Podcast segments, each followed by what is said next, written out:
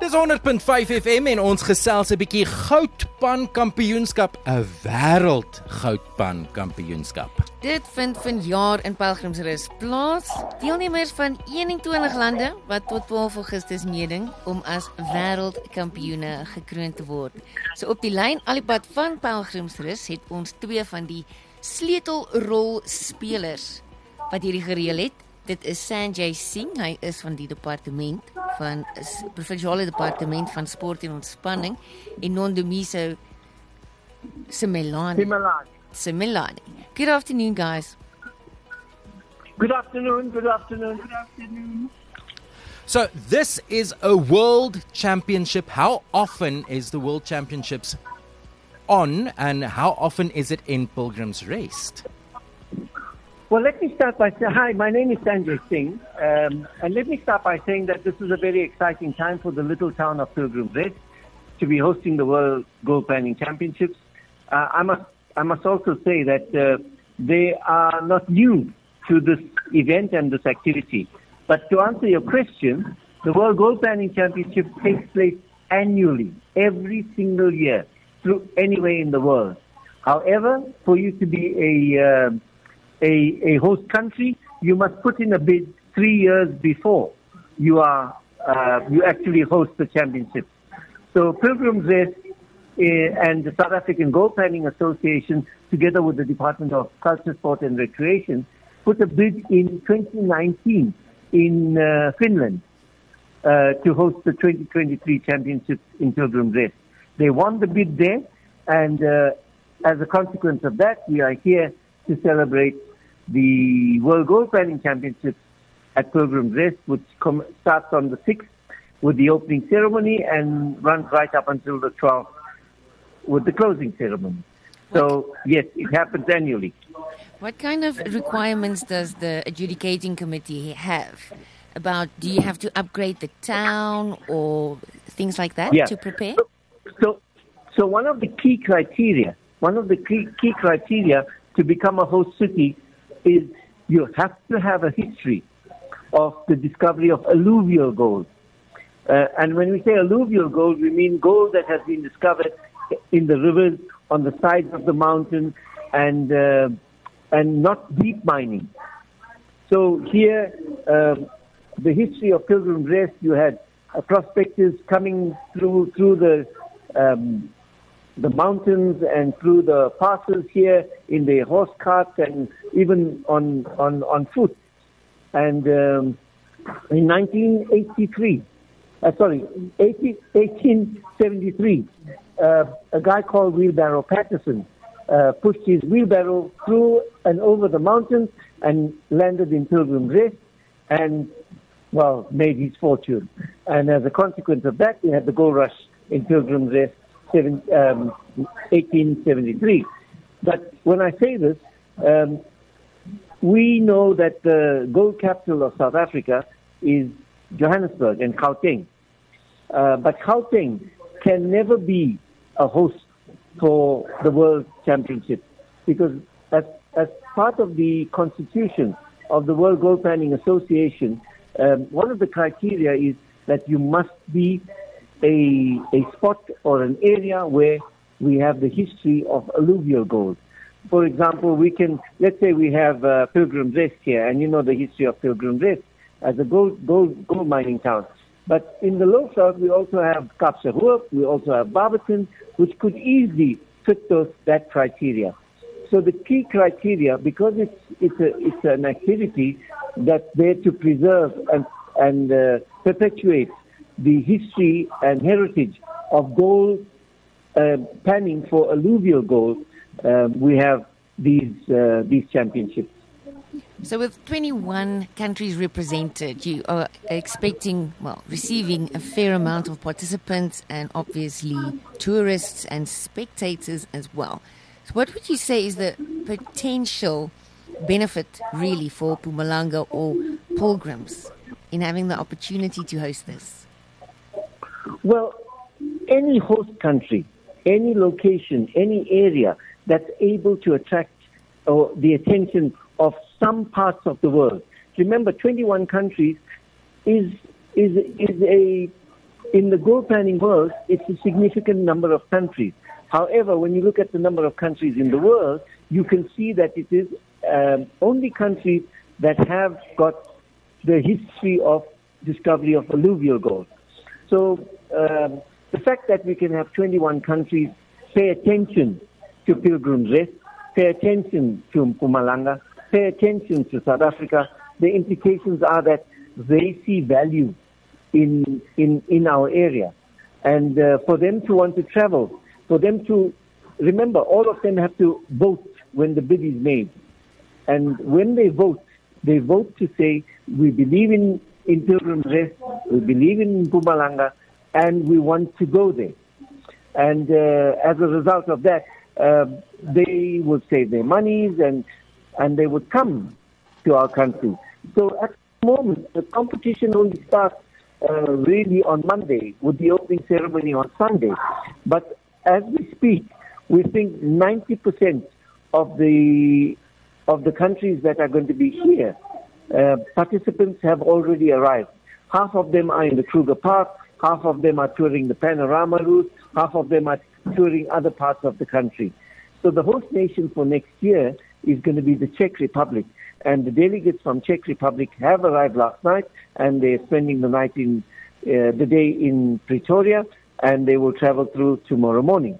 So, as you can see, that uh, the, the, the tourism potential is great, uh, and it's not only it, it, it, it's not only uh, it's a matter of those countries that are here and they come to Nelspruit or they come to Mbombela or they come to Belofeld, but they come to see the rest of our country. Many of them, when they finish the competition, um, they're going to be traveling through uh, other parts of the country, whether it's KwaZulu Natal, whether it's Drakensberg Mountains, or whether it's uh, the, the, the, the Fair Cape.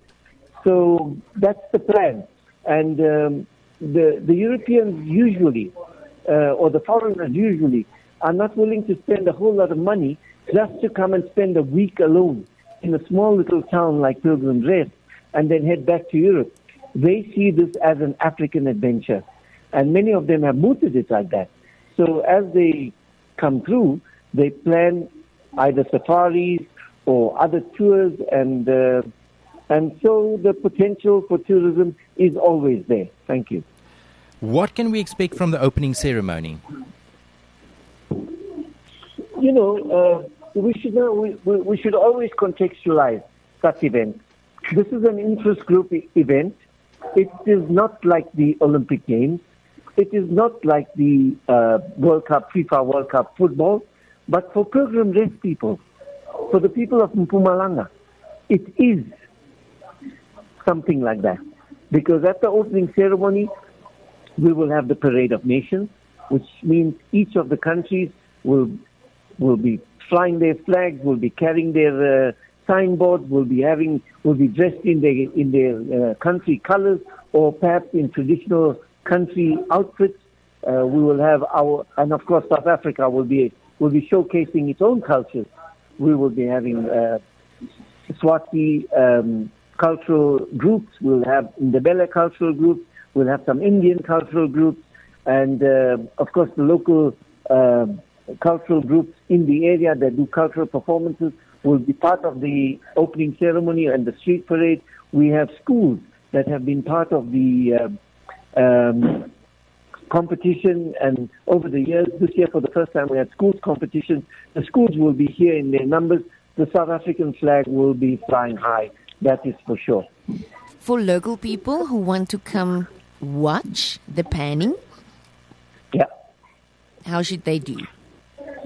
So, for the local people that want to come and watch the, the panning, uh, the program is going to be as follows. On the Sunday, we we will start the the parade of nations and the the, the, the little street carnival at 12, 12 o'clock in the in the town of Pilgrim's Rest, and the uh, the procession will then move from the town and on foot. Of course, everybody will be flag- waving their flags and singing their songs and dances and all of that, and they'll walk, walk down to, through to the across uh, Joubert Bridge, and they'll get into the into the panning site.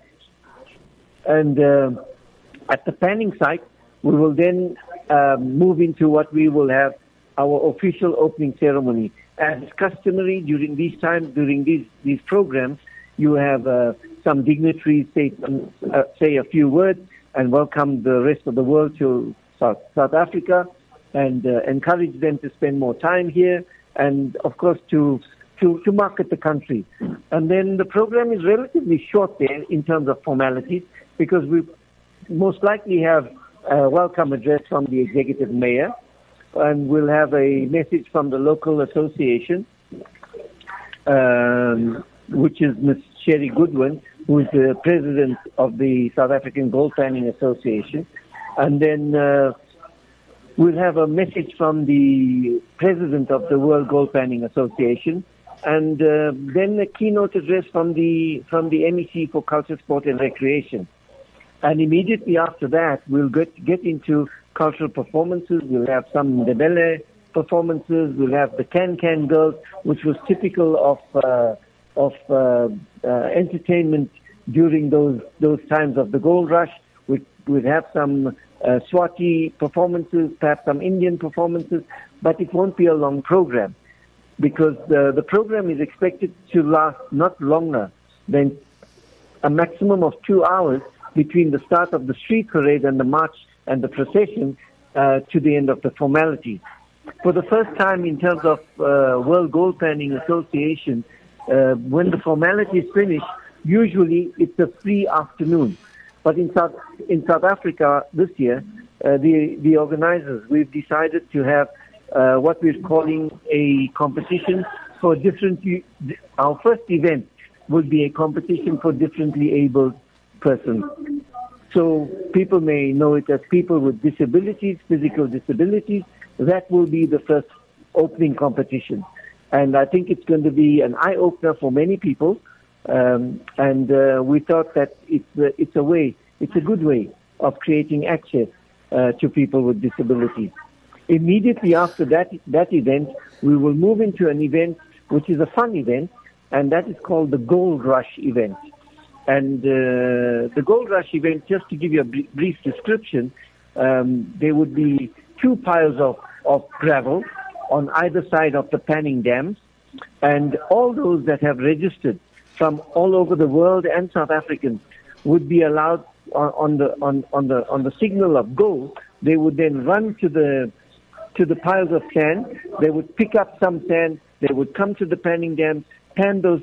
Uh, the sand out, and the moment each or any of the, the competitors find a a gold coin, um, and this is just uh, symbolic, they would find a coin, and and that would allow them to then be in be put into a final, which will be will which will happen on uh, Saturday next week uh, during the final event. Dit is so, altyd wat ons het. We are speaking to Sanjay Singh about the World Gold Panning Championships kicking off in Pilgrims on Sunday. Thank you so much for speaking to us. Yeah, but I want to encourage all all Lowvelders to come in numbers anytime during the week. The finals are on Friday, uh, semi-finals on Friday, the finals are on Saturday. But if we have uh, Lowvelders and even anyone from the country or people uh, touring come in their numbers, we need to show our foreign visitors uh, true South African hospitality, true South African welcome, true South African togetherness. And, um, you know, if we want to promote social cohesion and nation building and all of that, we need to show people this is what we're up to. And, you know, we must compliment the people of Pilgrim Rest. They are punching well beyond their weight. And uh, we pray that everything will be a very successful event, and Lowvelders and South Africa and Mpumalanga will be very proud of the kind of event and the experience they give to, to all our international delegates. Die wêreld goudpan kampioenskappe in pelgrimsrus. Jy wil dit beslis nie mis nie. Thank you so much, Sanjay. We look forward to it. Good. I look forward to seeing you. I hope we're going to see people from Laeveld Radio. Saam met ons 'n Ons gaan ons het mos vir so vir 2 jaar terug geleer hoe om te goudpan. So ons is daar, ons gaan kom deelneem. So ons wag vir julle.